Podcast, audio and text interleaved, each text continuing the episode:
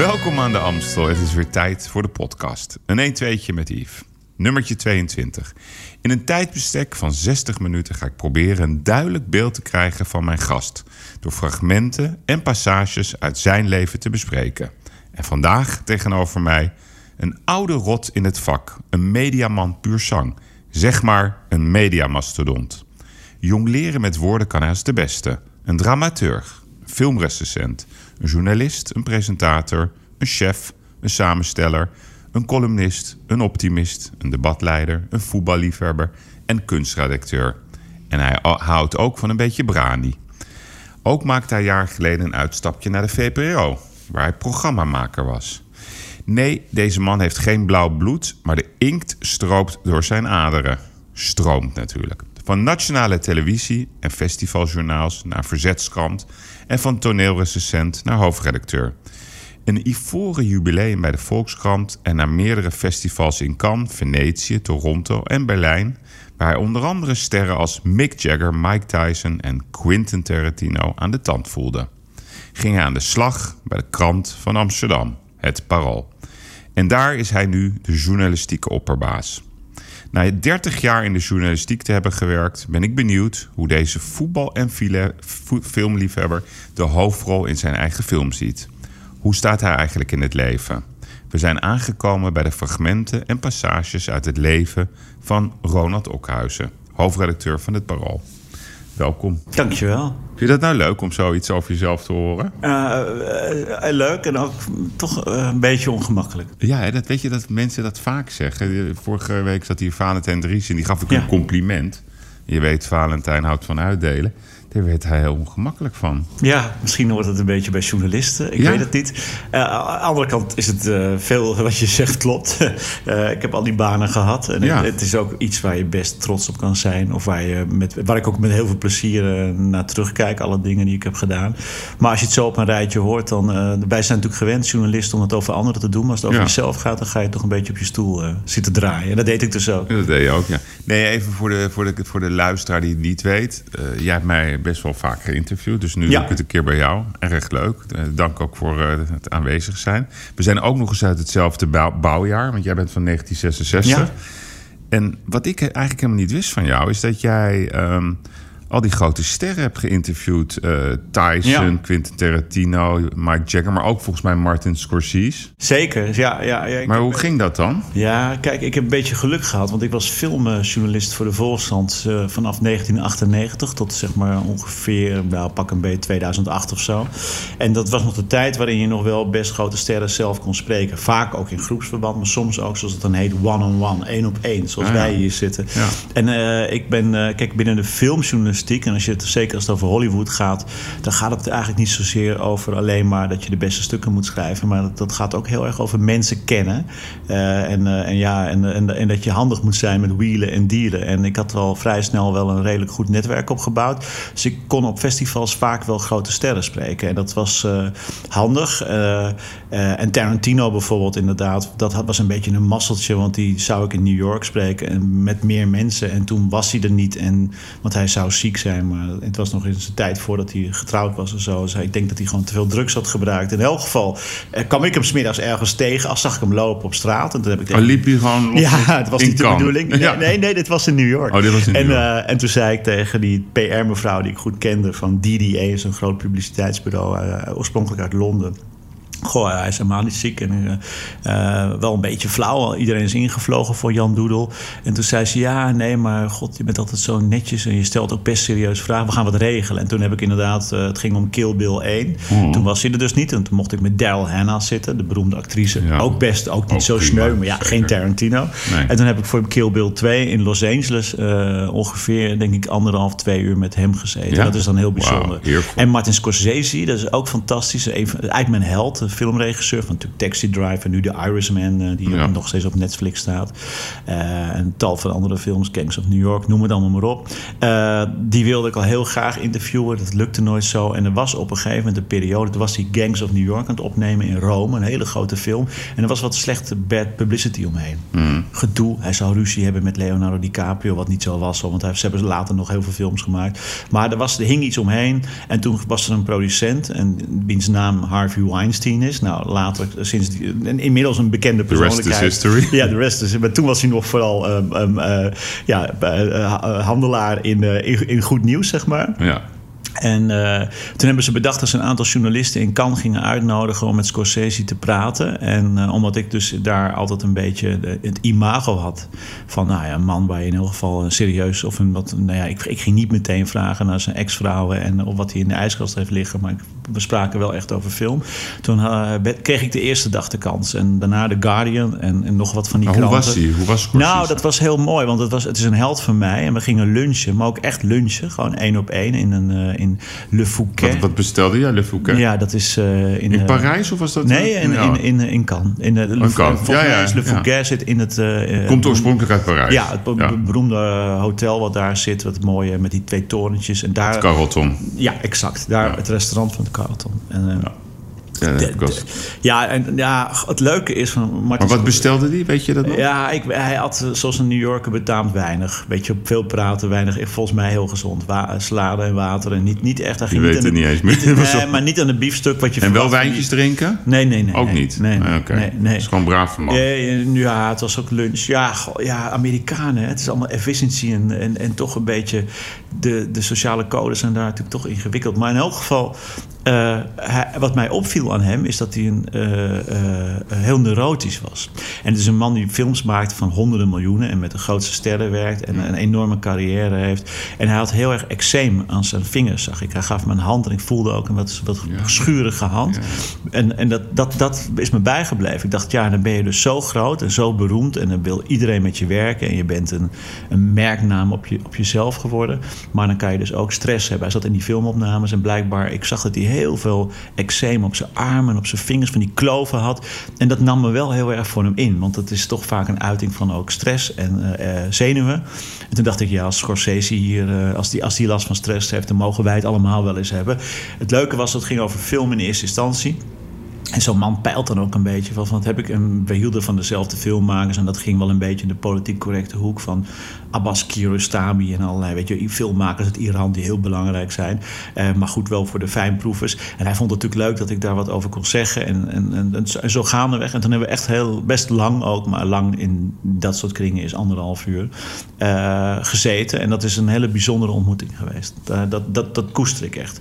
En Mike Tyson was heel kort. We mochten 20 minuten interviewen. Maar die sprak zo zacht.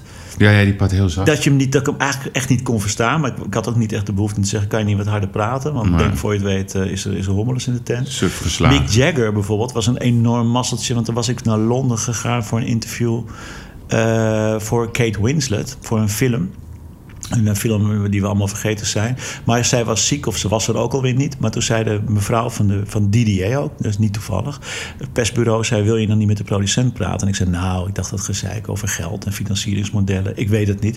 En toen zei ze zo op heel, in heel chic Engels... En wat, en wat nou als het Mick Jagger is? En toen dacht ik eerst nog, het is een grap. En toen bleek, die film was voor een heel groot deel gefinancierd... met Nederlands belastinggeld. Je had destijds fiscale constructie. Ja, klopt. De CV-constructie. Ja, de CV-constructie, ja. En er was toen ongeveer 60 miljoen gulden nog wel. Dat denk ik 1999. Naar Mick Jagger, zijn productiemaatschappij, gestroomd. En Mick Jagger dacht, ja, het is misschien dan wel goed... dat ik één keer één Nederlands journalist te woord zat. En dat was toevallig ik. En daar heb ik anderhalf uur mee gezeten. En dat was ook een ervaring. Omdat ik, ik was dus onvoorbereid. Maar dat maakte niet zoveel uit. Nee. Want uh, over film en over Amsterdam en Londen. Het was een heel leuk gesprek. Maar Mick Jagger is zo'n ontzettende professional. Want die heeft natuurlijk miljoenen interviews gegeven. Maar die geeft je dan het gevoel dat je allemaal geweldige vragen stelt. En dat nam, me ook, dat nam mij voor hem uh, in. Dat ik dacht, die man heeft alles bereikt. Uh, hoeft het voor het geld niet te doen. Maar toch neemt hij dit gesprek heel serieus. Geweldige anekdote dit. Ja. ga ik ook even mee. Ga ik ook een Mick Jaggertje doen. Wat een Ja. geweldige anekdote. Ja, ja Nee, mooi hè? is dat. Ja, ja, ja. Nee, maar het is toch knap dat, dat zo'n man die, die alles heeft bereikt... dat hij dan toch met een... Natuurlijk, want die nee, 60 maar miljoen... Die zijn helemaal geconditioneerd. Het gaat Ja, maar het, is, het gaat wel over professionalisme. Ja, nee, En, zeker. eh, ik heb, maak ook mindere goden mee, ook in Nederland. Die zeiken over alles. Wie zijn Eh, dat? Minder gewoon. Maar je, hebt- ja, je, hebt, je hebt hier in Nederland tegenwoordig... bij elke acteur die je wil spreken... zit er natuurlijk tegenwoordig eh, agent tussen. En dat is Ja, allemaal ja. prima en aardig. Want die mensen moeten Maar ook... die eh, maken het leven maar vaak moeilijk, dan gaat, het al, agenten. dan gaat het echt over, over, over eh, sowieso een tekst willen autoriseren. Tot daar aan toe, maar eisen. de, de foto's willen uitzoeken, de foto's achteraf willen bewerken. Wat wij bij de krant natuurlijk niet doen. En dat gaat al, die invloed waarvan we in Nederland denken dat het normaal is. Dat is helemaal niet zo normaal. Maar En dat vind ik wel en Mick Jagger die geeft gewoon een interview. en Nee, denkt, precies. Maar ik vind dit wel, mooi wel interessant. Want waar ligt jouw grens als hoofdredacteur? ehm, van oké, we gaan daarin mee. Hè? Of dat doen we echt niet vanuit principiële hè, overwegingen. Dus ik kan me voorstellen als jij een, een interview kan hebben met Trump. Ja, Ja, toch interessant Ja, als jij dat hebt. eh, ja. Wat je van hem vindt, het zal maar Als wel. Trump belt morgen Ja. en die zegt ik wil een interview een parool geven. Maar- Maar, maar ik eis wel dat het dan voorpagina eh, op zich Ja. zou dat... Nee, kijk, natuurlijk. Dan doe je het wel, hè? Natuurlijk, tuurlijk. Ja. Alleen ik zou wel in een stuk altijd dan ergens die voorwaarden vermelden. Je kunt dat ook eh, niet op een lullige manier of als bijsluiten. En als ze dat ook niet willen? Nou ja, dan ligt het heel erg aan wie Moeilijk, het is. hè? En, wat- ja, nee, maar kijk, als, zolang je maar het verhaal kan maken waarvan jij denkt d- dat het, dat het verhaal is wat je moet maken. Op het moment dat zij natuurlijk gaan meepraten over de inhoud. Je kunt ook nog afspraken maken als het Trump is dat hij zegt... ja, maar ik wil het niet over vrouwen hebben of zo. Dan denk ik, ja, er blijft er best genoeg over hè. Ja. om met hem over te spreken. Nee, maar dus de principes zijn wel selectief. Dus het hangt wel Ja. af van, van wie het is. Ja. Dus ze zijn, het is niet zo dat er op Het is net een... de echte wereld. Ja, het is net de echte wereld. Ja, mooi. Maar de principes, er zijn een paar dingen liggen vast. De eindverantwoordelijkheid ligt bij de journalistiek. Kijk, de, de, de, de, de, bij de journalist. Het gaat ook over verhalen zijn niet te koop. Het gaat niet over geld. Mensen kunnen niet zeggen: ja, maar ik wil een leuk stuk. Maar ik ga volgende week namelijk voor twee ton adverteren. Dus dan kan je ook wel een gezellig stukje maken. Allemaal gebeurt allemaal niet. Nee, er wordt wel geloof vaak ik. gezegd dat het in de journalistiek tegenwoordig gebruikelijk is. Nou, wellicht in, bij glossies, dat durf ik niet Ja. te zeggen. Nee, Het is een ander circuit. Maar in de dagbladjournalistiek, en of je het nou over de Telegraaf hebt, op, of over de NRC, of over de Parool, of over de Volkskrant, daar gebeurt dat echt niet. Dat, is- dat blijft autonome, onafhankelijke journalistiek. Daar steek ik mijn handen voor in het vuur. En het is ook heel belangrijk dat dat zo Ja, blijft. Nou, duidelijk. Hey, we hebben ook aan jou gevraagd, hè, om, even, om daar even mee te beginnen, een, eh, het nieuws van de dag. Ja, minder Ja. nieuws. Wat is dat? Ja, ik heb nieuws wat, eh, wat eh, niet, niet alleen van deze dag, maar van de laatste periode is. En vandaag ook weer was er een melding vanochtend vroeg alweer van, van jongens die waren opgepakt met messen en steekpartijen. En dat is iets wat de laatste weken voortdurend het nieuws beheert, beheerst. Eh, en, en, en mijn nieuws van de dag is meer dat ik denk, waar komt dat toch vandaan? Kijk, tuig en, en, en eh, jongens met messen, dat was vroeger op de kermis en zo ook zo. Dan had je ook gasten met messen en dat waren niet de, de jongens waar je ruzie mee moest krijgen. Dus dat, dat, zal, dat weet ik ook wel. Maar de laatste tijd wordt het steeds normaler en nog erger. Jongens die worden opgepakt met, met, in, tijdens steekpartijen zijn jongens van 13, 14 jaar. Vaak gewoon kinderen. Eh, vaak gebeurt dat s'avonds laat. En eh, mijn nieuws van de dag zit meer bij een soort van, ja, je zou bijna het verdriet van de dag kunnen noemen. Want ik denk, het is A, treurig voor een, wat voor maatschappij. Dat, dat soort jongens elkaar met messen over straat gaan en bij een eerste de beste ruzie nou ja, een klap geven. Ben ik al niet zo'n voorstander van. Maar dat vind ik dan nog een stuk minder ernstig. Dat je iemand een tik op zijn neus geeft dan dat je een mes trekt en hem misschien wel doodsteekt. Eh, daarnaast denk ik, wat zijn dat voor kinderen ook? Die zo worden, aan hun lot worden overgelaten. Dat ze s'avonds laat maar eindeloos over straat schuimen op 13-jarige leeftijd. Met messen op zak. Die zijn door die ouders ook eigenlijk, denk ik, heel erg in de steek gelaten. Je hebt altijd uitzonderingen. Je hebt eh, hele ontwrichte gezinnen. Maar die ouders hebben vaak soms zelf zoveel problemen... dat ze Ja, niet eens weten dat dat, ze kinderen hebben. Nee, dat is, maar goed, dat is, dat, die kinderen hebben niet gevraagd eh, om op aarde te komen. Dus je blijft er verantwoordelijk voor. En ik Ja, weet het, hè, ik besef heel goed dat de Maar wij mensen- zijn van de oude stempel, ja. Ja, ja, maar ik besef heel goed dat, dat de een meer geluk heeft in het leven dan een ander. Maar ik, mijn, mijn hart gaat dan uit. Kijk, naar die kinderen, gek genoeg, ook naar die stekers. Want het, zijn natuurlijk, het is natuurlijk afschuwelijk als je 13, 14 bent en je wordt opgepakt omdat je met een mes op straat loopt. En het zijn Nee, vaak kapmessen, zakmessen, grote je- messen. Ja, Oké, maar Ronald, jij Maar zegt nu, ook- je hart gaat uit naar de kinderen. Ja. Maar nu, nu, nu steekt zo'n een jochie van 14 jouw kind dood. Nee, gewoon dood. Ja. Ja, dan gaat je hart toch niet meer uit naar zo'n jongetje? Nee, want dan, de- als er zoiets gebeurt... Nee, maar dat gebeurt alles- namelijk. dat is ook zo. Gaat, neemt verdriet alles over. Maar dan moeten we nog steeds ons de vraag stellen... hoe heeft het zover kunnen komen dat een jongen van 13, 14 jaar... met een kapmes, want daar gaat het vaak over... en met vlindermessen, allemaal verboden wapens, op straat loopt. En dat er helemaal in die hele omgeving niemand meer is die zegt: Doe even normaal. Als jij dat doet, dan krijg je een schop onder je kont en het houdt op. En het klinkt naïef en romantisch, dat weet ik. Maar ergens moet het beginnen. Kijk, we kunnen zeggen: We doen een messenverbod. Maar ja, dat is niet te handhaven. We kunnen zeggen: We, we gaan die ouders, er werd over gesproken, een boete van 2.500 euro geven als het misgaat. Maar die zijn vaak niet te plukken, want die hebben al geen geld. Dus hoe waar kunnen we die mentaliteit, die mentale omslag maken? Ja. Nee, maar ik zou je een voorbeeld geven. Uh, ik, heb, ik heb van de week gekeken naar het debat bij Jinek. Twee fantastische burgemeesters. Ik ben eh, even ontschoten van, wel, van welke steden ze kwamen. Nou, en Jinek was, vond ik, een beetje overdreven kritisch aan het spelen. En ook van, ja, welk verbod dan? En ook een keukenmesje. ja, nee, maar het is allemaal heel grappig om dat zo te benoemen het is gewoon een mega probleem. En die twee burgemeesters die benoemen het een keer. Die zeggen ook, het is gewoon ja, ja, klaar. En dan nog moeten zij zich eigenlijk verdedigen. En niet zo lang geleden hier in Uithoorn was er weer een incident met chauffeurs uh, van Connexion. En waarom was het incident? Een van die chauffeurs die heeft de moed om, om op te treden tegen een paar van die jongens. Uh, die oudere mensen gewoon weer aan het lastigvallen waren. En dat, dat, dat gaat vervolgens resulteert dat in een enorme knokpartij. Maar echt niet normaal met tegen het hoofd aan schoppen. En nee. werkelijk waar asociaal filmpjes van gemaakt. Dus ik eh, even wou weten hoe zit dat dan. En ik ken iemand die woont in Uithoorn. Die zegt, joh Yves, dit is al maanden en maanden. Dan gaan ze weten wie het zijn. Met nieuwjaar, ja. met oudejaar was het ook gebeurd. Maar er wordt gewoon niks gedaan. En dit is Uithoorn. En ik kan, je kan er een lineaal naast leggen. Dit is in alle grote steden in Nederland. Zelfs dat die top 600, wisten ze ook wie dat waren. Mogen allemaal blijven doorgaan. Nou ja. Maar zijn wij niet gewoon watjes geworden? Ja, zeker. Nee, kijk, ik, als ik zeg, ik vind het treurig, voor, voor ook voor de, de, de, kinderen die zo worden omdat ze in de steek zijn gelaten. In de eerste plaats, als je zo wordt, dan is het je, je eigen keuze. Ook voor een deel, hè, als je ligt en hoe oud je bent. Niet als je 13 bent, denk ik wel al. Als je 16, 17 wordt, dan moet je wel een groot, toch een soort moreel besef hebben ontwikkeld. Maar natuurlijk eh, moeten, uh, denk ik, in dit soort gevallen ook zwaarder worden gestraft. En natuurlijk moet er meer politie op straat. En natuurlijk moet dat. Het is ook raar, hè? we leven in een heel heel welvarend land.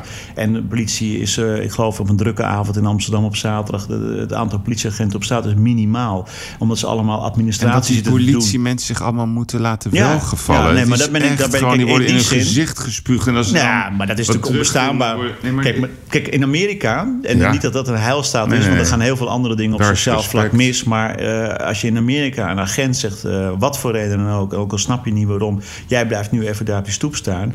en je, en je zegt waarom alleen al, dan krijg je echt de volle laag. En als je nog een keer waarom zegt, word je in de boeien geslagen. Dat klinkt natuurlijk je denkt, wat is dat voor een politie? Maar in het Midden-Oosten wordt je maar, hand eraf gehaald. Ja, dat is het andere. Nee, okay, maar... nee maar waar het wel om gaat is uh, uh, dat, dat we denk ik dat wel terug moeten winnen. Dat respect voor politie, voor politie, voor de mensen die voor ons allemaal voor de veiligheid van ons allemaal zorgen, hè, ja. die daar de verantwoordelijkheid voor nemen, die moeten we natuurlijk wel uh, een normaal speelveld gunnen. En op het moment dat je die politie niks meer kan doen en inderdaad wordt uitgescholden en wordt ja. bekogeld, en, en, als ze dan iets terug doen, dan krijgen zij, dan moeten zij bij wijze van spreken zich gaan verantwoorden. Dat is de wereld op zijn kop. Dus ik ben daar heel erg een voorstander van. Maar dat blijft maar. En dan komen er van die advocaten ja. weer tussen, die gaan dan ja, weer goed, die doen hun werk. Maar, nee, maar de gaat... vraag is, en ik vraag je dit. Um, jij bent de hoofdredacteur van het Parool. Ja. Jij bent een man met invloed.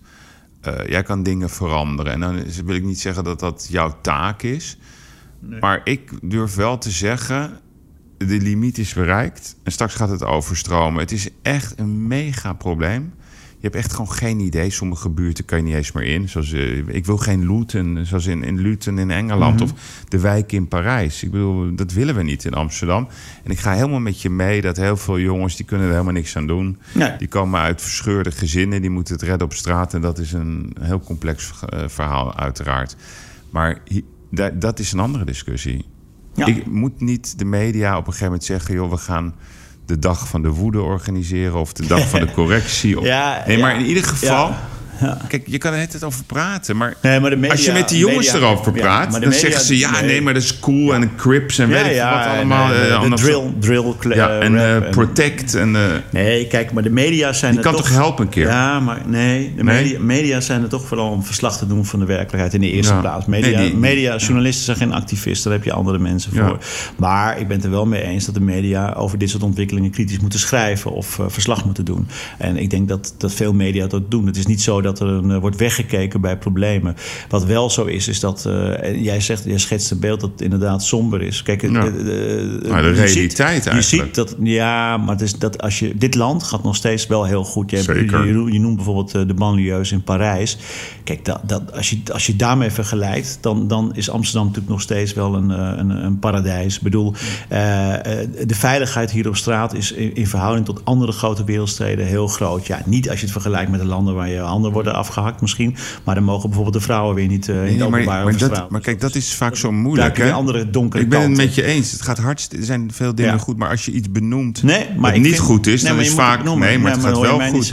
Nee, nee, maar snap ik bedoel. Dus het zou zo fijn zijn, hè? Ehm, als we eens een keer, want je helpt Erkennen ook. dat we een probleem hebben. Ja, maar dat we ook het gaan oplossen. En je lost het ook nog eens voor de jongens op. Ja. Want die, voor de jongens is het ook niet leuk om met messen. Het is toch niet leuk om met messen over straat te lopen en iemand neer te steken. Nee, dat lijkt mij niet... een- Nee, maar, dat is ook, maar ook, ook, het blijkt ook elke keer al die jongen die gaan komen in de criminaliteit. Nou, dat is heel simpel. Of je gaat dood met de Nou, criminaliteit. uiteindelijk zie je dat het veel... of je eh, komt in de gevangenis. Dat ja. zie je met al die types. Dus ik denk dat die jongens daar ook uit Ja. willen en een normaal leven willen hebben. Dus je helpt Maar er gebeurt wel veel, Yves. hè. Ik bedoel, er zijn Ja? wel degelijk, eh, denk ik, in Nederland veel, eh, veel, veel partijen. En ook vanuit eh, in dat, de, de top 600. Wat, dat is niet alleen maar een lijst van topcriminelen in Amsterdam. Maar dat betekent ook dat er enorm veel lagen achter zitten van jeugdzorg Ja, en noem maar op. En dan kunnen wij natuurlijk altijd wel wat cynisch doen en zeggen... ja, jeugdzorg en dat klets maar wat Nee, een nee, nee. jeugdhond. Dat is natuurlijk niet waar. Want wat ze bij die top 600 doen is ook kijken naar de vaak broertjes in dit geval. Van dat soort jongens, dat zijn jongetjes van 7, 8... die ze al een beetje in de gaten gaan houden. Want ja, die gaan hun oudere broer nadoen. Dus Maar het is wel broer- erg. Ja, het is wel erg. maar Maar, het is, maar er gebeurt dus wel veel. En ik vind ook wel weer, wat je nu ook ziet van de hele eh, de misdaad. Dan hebben we het echt over de misdaad in Amsterdam. Die lange tijd is beheerst natuurlijk door die rivaliserende bendes. Onder wie die van Taghi. En dan zie je, uiteindelijk hebben, hebben ze nu de eerste twee kopstukken te pakken. We, kijk, we- Ja, maar er doden daar weer voor geofferd hebben moeten zijn. Ja, ja, ja, je kunt cynisch zeggen dat die doden vooral binnen de eigen club zijn gevallen. Nou ja, En, eh, eh, Dirk van Wiersum eh, is, gewoon een advocaat. Natuurlijk, natuurlijk. Nee, en, en, en John van der Heuvel wordt tot de dag van vandaag zwaar beveiligd. Paul Vugs, jouw zeker, redacteur. Onze, dat is zeker Hoe zo. ernstig is dat? En de, moord, en de broer van de, van de kroongetuige is, Ja, is natuurlijk is in Noord vermoord. ja. Er zijn ook eh, vergismoorden geweest. Ook nog. Het is een, ik vind het een mooi woord, vergiswoord, maar het is natuurlijk iets afschuwelijks. Dus er zijn wel degelijk afschuwelijke doden te betreuren. Maar, maar het is ook weer niet zo dat er niks gebeurt. Ik, ik, vind- ik neem echt mijn hoed af voor eh, dit, eh, zeg maar, de partijen die, dit, die deze criminelen nu eh, in de boeien hebben geslagen. Mm, en, en ook zeker. het signaal naar, naar, naar Nee, dat soort jongens. geworden. Van, het is niet zo dat je ergens in Dubai of waar je ook zit een miljonairsleven kan leiden. Nee. Want uiteindelijk, vroeg of laat, loop je tegen de lamp en je komt nooit de gevangenis meer uit. En dan is het klaar. Ja. Oké, we sluiten hem even voorlopig af. Ja. Even naar het Parool. Eh, prachtige krant. Jullie zijn ook eh, volgens mij twee keer op jaar eh, Ja. Winnaar geworden van de prestigieuze World's Best Designed Newspaper. Ja. Hoe leuk is dat? Ja, dat was echt bijzonder. Wij, eh, ik ben nu eh, vijf jaar hoofdredacteur. En na een, eh, wij, uiteindelijk willen hoofdredacteuren, die, dat is nou eenmaal de taak die je dan krijgt, ook de opdracht om de boel weer even, nou, even aan de boom te schudden en de boel op te frissen. Dat betekent inhoudelijk moet je altijd wat zaken bijstellen. En wij wilden ook de krant heel erg wel weer het gezag laten uitstralen, zoals kranten die vroeger hadden. Maar nou ben ik tegen nostalgie, want ja, je, daar verkoop je ook geen kranten mee. Maar ik vond het wel mooi, die jaren 50, 60, 70 kranten, grote kranten, zwart-wit nog. En er was niemand twijfel aan die kranten. Er waren ook nog geen rare mensen die het over fake nieuws hadden en al die onzin. Nee, de krant was een meneer toen nog. En nu is het vaak een mevrouw, want bij ons op de redactie is 51% vrouw. Maar het is, het is eh, eh, dus dat, met die typografie... 51? Ja, ja, keurig hè. Maar die typografie, die hebben we eigenlijk vertaald naar nu. Maar dan wel natuurlijk met dat de kleur komt vanuit het beeld. Dus het is een kla- klassiek ge- opgemaakte krant. Maar met, met, met zeg maar de zwaarte van de jaren 50, 60 in typografie. Maar wel met, de- met, met ja, de, de, de, de kleur en ook de lichtheid van die bij deze tijd. ook Met veel witruimte. Dus we hebben dat toen ontworpen. Dat was best een lange weg. Want binnen ons concern, DPG Media, werd er ook wel wat... eh, ze dachten, hebben die Amsterdammers weer. Die gaan artistiek doen. Hè? Met een dikke streep en een zware letter. En eh, er werd er Voor wie het niet weet, jullie zijn onderdeel van het Belgische Ja, uitgeverij. wij- wij zijn onderdeel Onder van- leiding van Christian van Tilo. Exact, ja. DPG Media, waar onder andere ook Tubantia, de Volkskrant, AD eh, Ja. onderdeel van zijn. Trouw.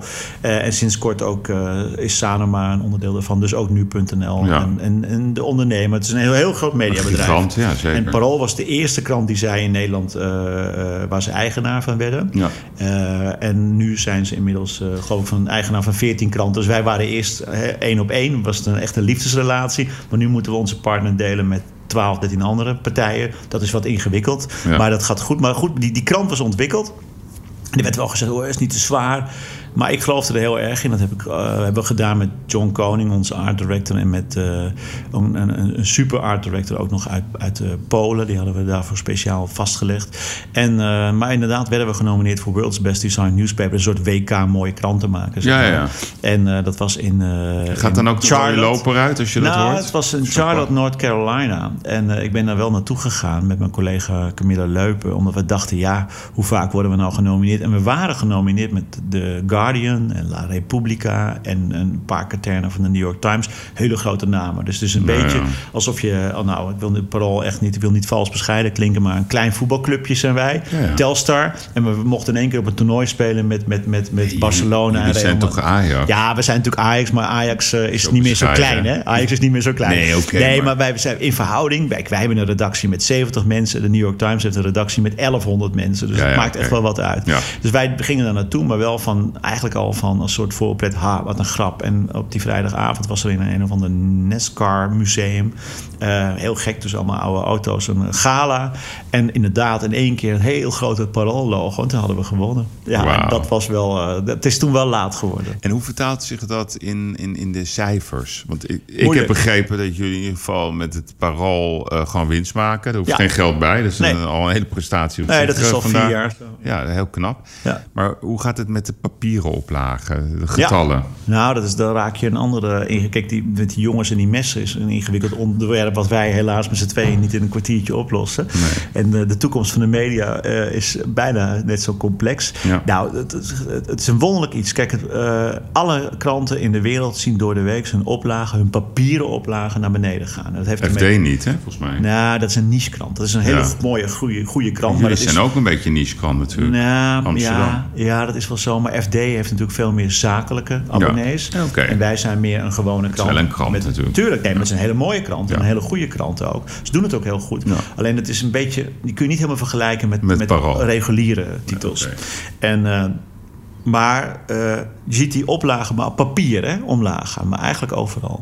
Maar daar staat tegenover dat Is dit een alle- opmars eh, naar... Nee, maar digitaal zie je alle kranten groeien. Ja. Kijk, een uitzondering is New York Times. Dat is een grote internationale titel. Die hebben de laatste jaren zijn die explosief gegroeid. Hè? Ja. Maar je ziet bij ons ook dat wij eh, steeds meer digitale abonnementen verkopen. Ja. Vooral een- de abonnementsvorm zaterdag willen mensen papier. Dan heb je die mooie dikke zaterdagkrant met alles erop. En met nieuws, met achterbeschouwingen, met boeken, met muziek met, eh, en een magazine erbij. En dan, weet je, dat is een soort... Ja, maar de vraag soort- was, hoe doet de papieren oplage van het parool het Nee, op dit moment? De papieren oplage Ja. gaat door de week eh, omlaag met ongeveer 4, 5 procent per jaar. Ja, ja, en, en, en de papieren oplage op zaterdag eh, heeft zelfs een kleine stijging eh, doorgemaakt. Je ziet dus dat het kwaliteitsmoment... hoeveel door de het week doe je 60.000? of zo? Nee, onze oplage op van dat is, dat, dat, hoe dat Papier dan, hè? van- nee, puur papier zal het rond de 45.000 zijn. Ja, en- en in het en in weekend? het weekend het dubbele, 95.000. Bijna 100.000, Ja, toch? Ja. Ik vraag je dit omdat... eh, kijk, want die, die getallen die zijn natuurlijk eh, ook volgens mij altijd openbaar. hè. Die worden ja, eh, natuurlijk. elke maand... wij hebben geen geheimen. Nee, maar ik vraag dit omdat ik eh, een beetje in de wandelgang heb gehoord... dat het Parool overweegt om als eerste krant in Nederland... eh, op zaterdag gewoon een extra dikke, super deluxe, eh, over de top krant te maken. Wat, wat jullie, en dat jullie afgaan van het papieren model door de week. Ja, nou, dat, dat, dat, Klopt nou, dat? Nou, die wandelgangen die zijn eh, best goed geïnformeerd. Kijk, het is een, voor mij helemaal geen taboe. Voor heel veel. Kijk, journalisten zijn heel erg slecht in verandering in het algemeen. Dat is Ja. echt interessant. Ze Ook de hele overgang naar tabloid, dat Ach, duurde echt joh, en duurde. En de, en, de, en de internet is heel lang Ja. gedacht van Nee, doen klopt. we er een beetje bij en dat geven we gratis weg. Terwijl eh, Ja. dat, dat, dat stelde niet zoveel voor. Nou, nee, dat is een precies. Het hele businessmodel. Nee, ja, dat is een misvatting geweest. En er Ja. zitten nog steeds wat de blaren. Of vanwege die keuzes om alles gratis weg te geven. Een nu- uitverkoop van En het is zeker in, bij een krant als het Parool. En dat geldt voor meer de kleinere titels toch. Hè. Ik heb het niet over kranten als, eh, als bijvoorbeeld de Volkskrant of of, uh, of een krant als, als uh, pak een beetje Tubantia. Dat zijn kranten met een hoge oplage. Maar de Stentor uit Zwolle, dat zijn, dat zijn allemaal hele mooie sterke titels. Wij zijn wat kleiner en dat komt dat wij altijd een rare positie hebben. Omdat wij een, eigenlijk een soort regionale krant zijn. De krant maar jullie zijn ook een laboratorium voor de persgroep. Ja, maar wij zijn... Kijk, het wonderlijk van Parool is je bent een regionale krant. De krant van Amsterdam. Maar tegelijk is in die regio, we concurreer je met NRC in ons geval heel erg, met de ja. Volkskrant. Dus wij, het is niet zo als je, ik kom uit Ankerveen, ook met een dorpje vlakbij Hilversum en dan had gewoon iedereen de gooi nemen in ja, die tijd. Nee, klopt. En, en dan heb je natuurlijk ook de concurrentie van de landelijke kranten, maar dat ligt wat minder. En de stad als Amsterdam en, en, en ook de samenstelling van de bevolking. Uh, mensen uh, neigen naar om al snel een grote landelijke kwaliteitskrant te nemen. Wij doen het goed, we zijn gezond, maar wij hebben inderdaad wel in, in besproken in, in de wandelgangen waar jij blijkbaar ergens in de hoek lag, achter een plat, ja. uh, hebben we, heb ik wel gezegd: kijk, als die oplage omlaag gaat, kom je in een ander groot probleem terecht, namelijk distributie, de bezorger. dat is het allergrootste probleem. Een drama. Want ik weet, uh, er zullen ook ongetwijfeld mensen luisteren. De krant wordt vaak uh, regelmatig niet bezorgd. maar ook soms. het is heel duur aan het In de middag of zo op zaterdag de krant krijg je het is gewoon. Nou ja, het is, het, is, het, is, het is echt een probleem. En het, ja. de krantenjongen nee, okay. van vroeger die bestaat niet meer. Nee. Het zijn volwassen mensen. Het kost heel veel geld en, en het, en dat is iets wat een systeem ja. waarvan ik denk dat piept en kraakt. Komt bij, je moet bomen omhakken. Dus het is in, voor de. Voor de maar nu gecomprimeerd. Ja, nee, heel mooi. Nee, nee, dus, waar, dus ik zou zeggen dat ik zou zelf een hele grote voorstander ervan zijn om op een gegeven moment te zeggen: we stoppen met dat drukken door de week. We maken inderdaad een schitterende zaterdagkrant. Ja. En door de week ga je puur digitaal bestaan. Dat is in Parool's geval heel erg leuk. Want dat zou betekenen dat we de eerste krant waren die op tabloid ging. Daar werd Parool ook om uitgelachen. De beste iedereen... designpaper in de wereld. Nee, maar weet je, toen Parool op tabloid ja, ging... Nee, zei iedereen, joh, dat is een Engels formaat... Ja, en dat nee, doen alleen maar roddelkranten. Nee. Nou, intussen is iedereen gegaan. We waren overigens de eerste krant die met een zaterdagmagazine. Dus dat is ook uh, intussen door iedereen overgedaan. En ik zou zeggen, dan zijn we misschien ook de eerste krant... die door de week digitaal verschijnt. Maar zover, ik zou het je graag eerlijk zeggen... is er nog lang niet. Want wat is het probleem? Want nu komt het... Ja. Je ziet het afkalven en we gaan naar digitaal. Onze site groeit als een gek. We zijn van 100.000 naar 300.000 unieke bezoekers per dag gegaan. Dus dat, dat loopt echt hard omhoog. Daar moeten de mensen geld gaan betalen. Maar dat doen ze nog al veel meer, maar nog niet genoeg. Dus je bent nog steeds afhankelijk van het geld wat binnenkomt bij papier. Nou ja, en wij zijn natuurlijk niet gek. Jij bent een ondernemer. Dus als je de papier nu eruit haalt, dan haal je eigenlijk de bodem onder je uh, bestaan ja. vandaan. Ja, dus het is nog wachten op het moment dat die kruising uh, ik ben het helemaal mee eens. Want ik denk namelijk, ik ben sowieso uh, ook fan van het Parool. Wil ik dat gewoon duidelijk stellen. En uh, ook abonnee. Veel plezier. door de week hartstikke druk. In het weekend ja. verheug ik me op het Parool. Ja, ik kijk ook op jullie app. Maar die is altijd veel eerder dan de krant. Dan denk ik, duw het er nou doorheen bij Fontilo. Ja, nee, maar het is toch mooi om gewoon te zeggen... Joh, wij gaan in september ja. Of als je meer aan, nee, maar... aanlooptijd nodig hebt, 1 eh, januari, zijn wij gewoon nee, de eerste is, het is digitaal. Zo, uh, ik denk gewoon dat. dat het, ja. ja. maar hier moet even jij even gewoon laten zien Nee, dat jij uh, zegt van dit is hoe ik het zie. Ik wil gewoon dat we dat ja, gaan doen. Want nou, daar is hij gevoelig voor. Nee, maar dat, nee, zeker. Maar er zijn ook uh, zowel met Christian van Tillo, Erik Rodderhoff, onze CEO... Ja. Maar, en, en ook Philip de Mark, nu uh, directeur journalistiek... ja, binnen, die, binnen, de oud-hoofdredacteur van Volkskrant. Ja. zijn er allerlei permanent gesprekken over. Dat is echt leuk van zo'n... Kijk, iedereen ja, dus het is, die wandelgangen zijn wel een beetje waar. Nee, het is heel erg waar. Want het is een model waar ik naartoe wil. En ook het parool die dan waarschijnlijk de eerste wordt vanuit de stal van, uh, van de persgroep. Ja, zeker. Dus ik zie nee. trouw het niet doen. Nee, nee. En dus maar, nee maar trouw Volkskrant, uh, hun oplage is groter. Dus die verdienen nog ja. veel meer geld bij papier. Ja, ja, precies. Ja, dat wel gek zijn. Dan gooi je het geld uit het raam. Bij ons ligt het wat gevoeliger. We zijn gezond. We groeien op zaterdag. We groeien digitaal echt als een dolle, zou ik willen zeggen. maar door de weekse papier is echt wankel. Vooral ook omdat die bezorging heel duur wordt. Dat gaat altijd over... Weet je, als maar dan even een datum. Ik wil uh, een datum. Wanneer, oh, wanneer oh, denk je? Ik, ik, schat zelf in over drie jaar. Zo lang nog. Zou ik, je, ik, ik denk dat het binnen twee jaar zeker al gebeurt. Als dat Misschien is, dan zelfs... kom ik eh, hier met... wat ik vind het namelijk Jij wil het graag. Ik denk dat het zelfs al ja, eerder gaat gebeuren. Kijk, er is heel lang onder journalisten... die allemaal met kelkjes jenever in oude kroegjes zitten. ja. Het oude type. Die, al, die allemaal... Nou, vroeger was alles beter, wel, Alles was vroeger beter. En dat was... Nou, ik haal eens een krant uit 1982 uit het archief. Je weet niet wat je ziet. Onleesbare stukken. Nee, eindeloze lappen tekst. Geen hiërarchie. Dat is anders, ja. Puinhoop. En dan hadden ze maar één deadline per dag. Nu heb heb je 24-7 Ja, het deadlines. is een zwaarder met, eh, vak geworden. Het is een heel ander vak geworden en de kwaliteit is echt veel hoger. Er wordt veel meer nagedacht eh, over wat je wil vertellen, verschillende genres, voor wie maak je de krant, wat bied je de lezer. Dus het, het niveau is echt 10, 20 keer hoger, denk ik, dan pak een beet 30 jaar geleden. Dat is echt leuk, want mensen, er hoort altijd ontlezing en alles wordt minder. Dat is niet waar. Nee, is niet Dus waar. Dat zie je ook bij de boekenmarkt. heeft- bij, ja, precies. Het is echt, echt veel beter geworden. Nee, precies. Maar ik zou het zelf leuk vinden als wij, eh wat het De hoort, de tijden veranderen. Dus Ja. dan hoort op een gegeven moment een andere vorm van een krant bij. Maar dat kan alleen natuurlijk als de lezer uiteindelijk dat wil. Hè? En de Ja. lezer Ja, betaalt maar je kan het ook de lezer opleggen. Ja, ja, maar wij zijn ook een... We krijgen, net moet zoals ook niet jij, bang zijn. Wij zijn geen gesubsidieerde instelling. Nee, dus als de nee. lezer het wordt wel, opgelegd... en- nee, nee, Nee? een krant in Nederland... Kreeg je niet ooit eh, Nee, iets uit eh, een of ander fonds?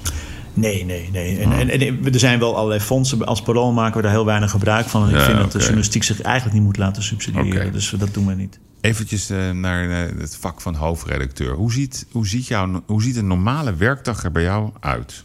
Ja, Hoe laat sta je op? nou, dus ik moet echt zeggen, verschillen. Gewoon een normale werk. Mm, Nou, een normale werkdag begin ik, eh, ben ik op de krant. Ja, dat varieert. soms heel vroeg voor dag en dauw. Dus dan heb je het over ergens als iedereen nog slaapt. Maar ik probeer tegenwoordig... om Maar wat is anders- dat? Ja, Zes uur of zo? Ja, er zijn dagen dat ik zes uur ben. Maar meestal probeer ik er acht uur te zijn. Dat is een normale tijd. Want Ja. dan heb je wel van tevoren heel veel al gelezen en Ja. gedaan. Dus ik sta sowieso altijd wel best redelijk vroeg op. Dus als ik laat begin, dus dat is acht uur... sta ik ook altijd wel zo kwart voor En- zes, en- zes uur op. En dan? En dan, nou, ik kijk eerst natuurlijk gewoon meteen op mijn telefoon. Dat doe ik trouwens ook s'nachts als ik eruit ga. Want dat, dat is niet goed, ik weet het. En dat mag je niet doen, maar ik kan niet laten. Nieuws checken, hebben we wat gemist? Hoe staat onze site ervoor? Eh, is er beweging in die site? Wat zijn de verhalen? Eh, wat doen andere kranten? Dus ik lees meteen natuurlijk even Volkskrant, Telegraaf. Ik kijk op de New York Times. Dan hebben we een samenwerking mee. Zijn er verhalen die we kunnen vertalen, die we kunnen gebruiken? Is er op de mail iets geks gebeurd? Dat is natuurlijk als eerste wat je doet. Het is gewoon een impuls. Dus je Ja. bent heel tijd aan het checken. Nee. En eh, er is een overleg op de krant, eh, ongeveer om kwart voor acht elke dag. En dat bepalen we op dat moment. En als ik er ben, dan ben ik daarbij. En anders dan bel ik in. Waarin we eigenlijk kijken naar hoe die krant van die dag eh, samengesteld moet worden. Maar gek Ja, dat wordt om een uur of acht bepaald. kwart voor En dan acht. wordt ook pas de voorpagina bepaald. Ja, definitief. De Kijk, in de ideale wereld weet je een dag van tevoren... we hebben eigen nieuws en eh, Ja, klaar is Kees. niet meer zo, hè? Maar dat is vaak niet het geval. Want het, eh, ja, het nieuws eh, moet, wel, moet er wel zijn. Maar dan wordt die krant bepaald... en dan gaat die machine, die al vanaf half zes bezig is... die gaat in de stroomversnelling en half Hoe laat gaan de pers aan? Half twaalf moet die naar de drukker. En dat is ook wel vrij stevig. En, en het anders romantische Ja. van stop de pers, is dat wel eens is- gebeurd? Ja, ja, Bij jou, onder jouw keer, leiding? Een paar keer. Ik moet even denken. We hebben een keer gehad. Dat is toch altijd Eh, het ja, ja, kijk, mooiste het- dat is. ja, stop de pers. Stop de persen. Dat, ik roep, we roepen het trouwens vaak voor de grap. Maar het is tegenwoordig natuurlijk... eh, kijk, de persen stoppen. Dat kost ook veel geld. Want dan moet hij stilstaan. Ja, en de drukkerij is ook een, eh, een onderneming die zijn centen moet verdienen. Dus tegenwoordig zeggen we al snel... "Hmm, jammer, maar gelukkig hebben we online. Hè? Dat kan je alles Ja, ja, meteen opgooien. En, en we hebben ook een digitale editie voor mensen met een iPad. En die, dat is bijvoorbeeld een krant die komt weer wat Ja. later. En er zitten heel veel verhalen in die niet in de papieren krant staan.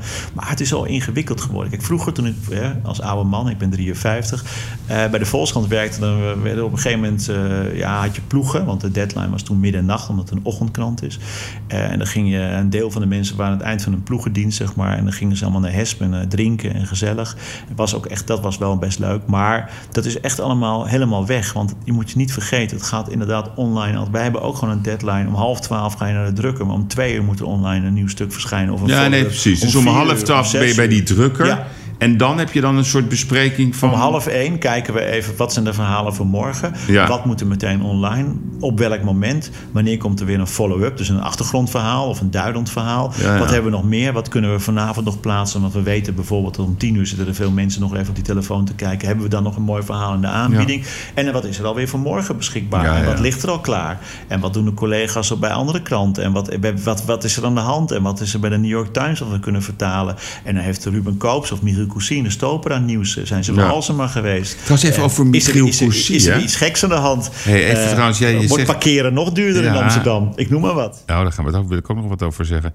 hey, eventjes iets anders. Jij noemt net de naam van Michiel Cousy. Die is toch bezig met een boek over Prins Bernhard, wist je dat? Ja, dat weet ik. Ja. Ja. Zeker. Wordt dat een onprettig boek? Nee. De pandjesbaas nee, nee, van nee. Amsterdam? nee, nee, Of de nee. pandjesprins? Nee, in de eerste plaats eh, is Mieke Cousy een eh, echt, en, en, dat zou ik ook zeggen, als ze- bij een concurrent werkt, echt een hele goede journalist. Nee, geen- no doubt about it. Ja, die, die, die niks schrijft waarvan hij niet zeker weet dat het zo zit. klopt. Hij heeft destijds eh, inderdaad met, samen met Maarten Verdun een serie artikelen gepubliceerd over, over de, de, de strapatsen zeg maar, ja. van, de, van Bernard van Oranje. Dat is in die natuurlijk niet zo goed gevallen, omdat het onwilvallig nieuws was. Krijgen maar- jullie dan ook een, een briefje van de, van de een of andere voorlichtingsdienst van het Koninklijk Huis? Ja, eh, nee, nee. eh, ze hebben wel een PR-bureau ingehuurd om te spinnen dat het allemaal larikoek was. Maar goed, de gemeente Amsterdam heeft later een, een boete uitgedeeld van 50.000 euro. Vanwege het overtreden van de wet. Dus dat is, eh, het klopte wel. En ik heb, wij hebben wel contacten zoals het gaat. In dit geval met. Met de prins zelf is er ook contact geweest van ja, je kan reageren, je hebt de ruimte om jouw verhaal te doen. Dat is een keuze die hij dan moet af, eh, afwegen. Heeft hij niet gedaan. En bij die stukken, het waren drie stukken, eh, drie weken achter elkaar, hebben wij op dinsdag altijd, dinsdagmiddag het stuk opgestuurd en gezegd: je kunt dit gaan we publiceren en graag reageren.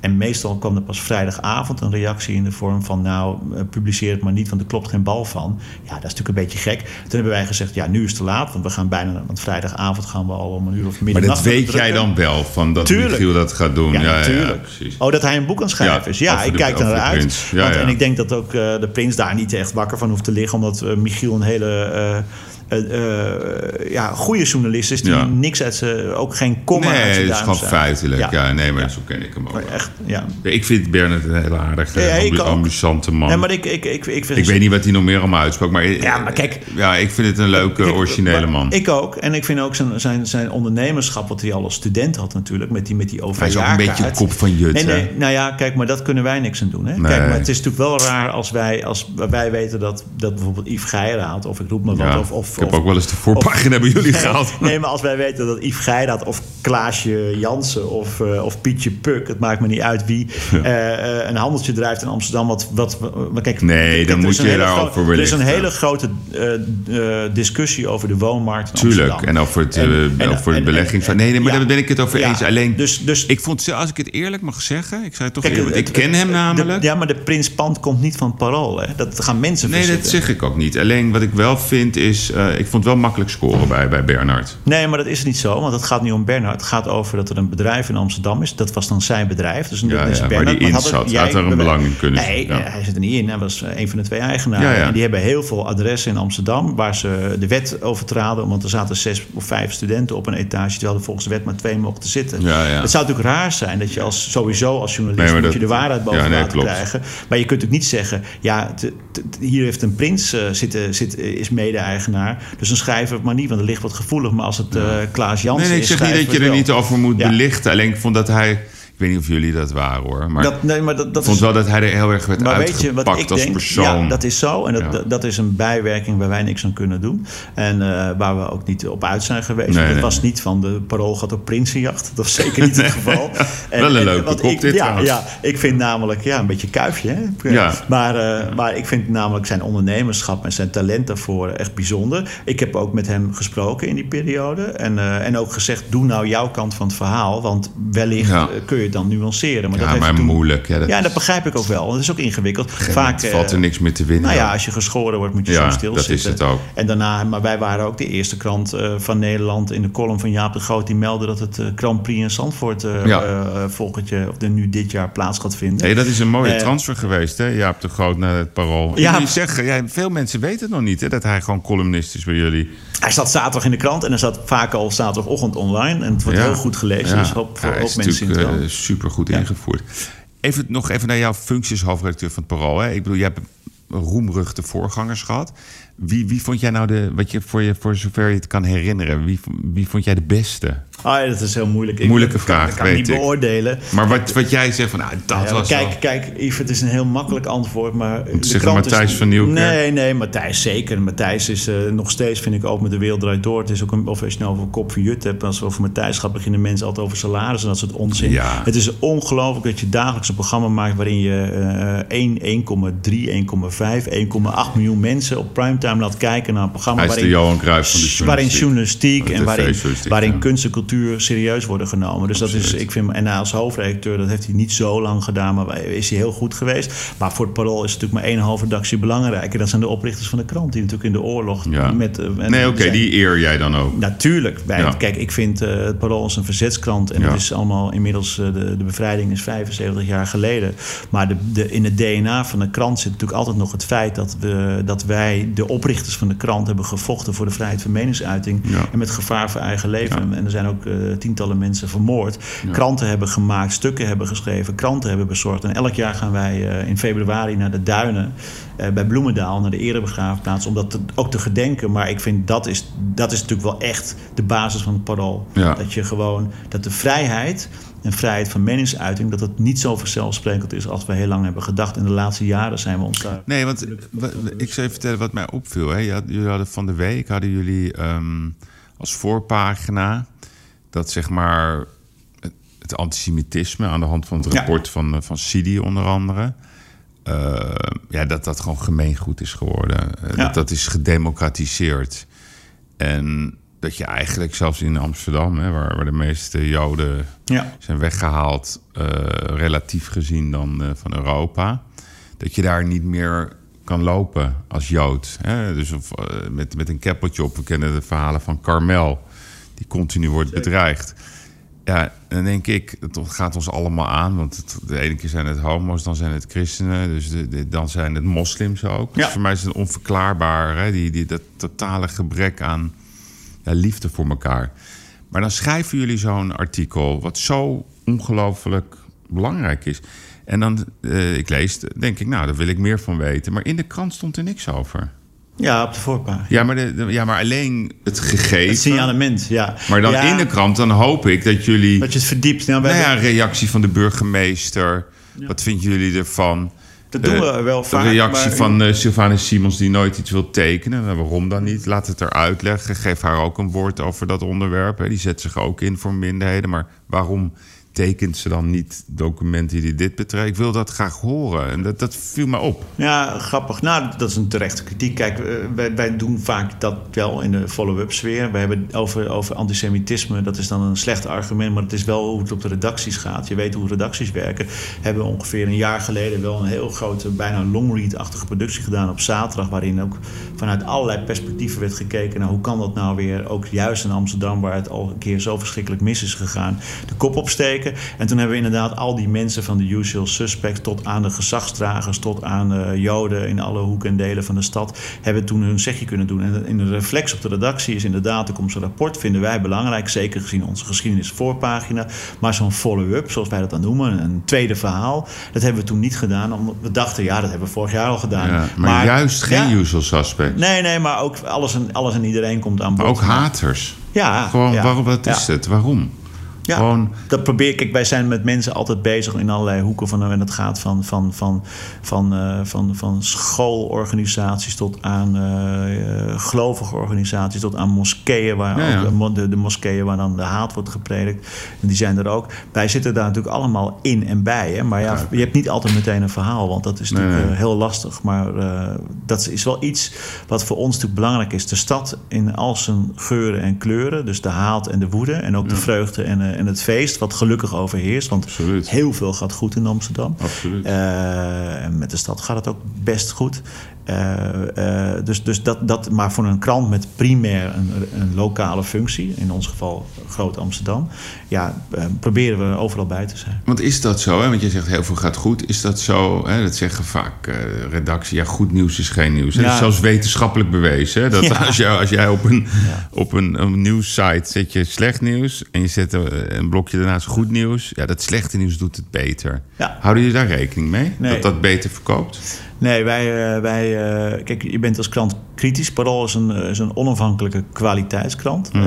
En met kwaliteit bedoel ik niet dat populaire kranten minder zijn, maar het is een andere league. Weet je, dat gaat echt over Telegraaf, AD zijn kranten die op een hele andere manier met hun lezers communiceren. Onze lezers verwachten ook iets van ons. Dat zijn, daar kunnen we niks aan doen. We maken de krant voor alles en iedereen. Maar gemiddeld genomen zijn ze behoorlijk goed opgeleid. Dus die nemen niet snel in, in het ootje, want die zijn heel kritisch ook op ons.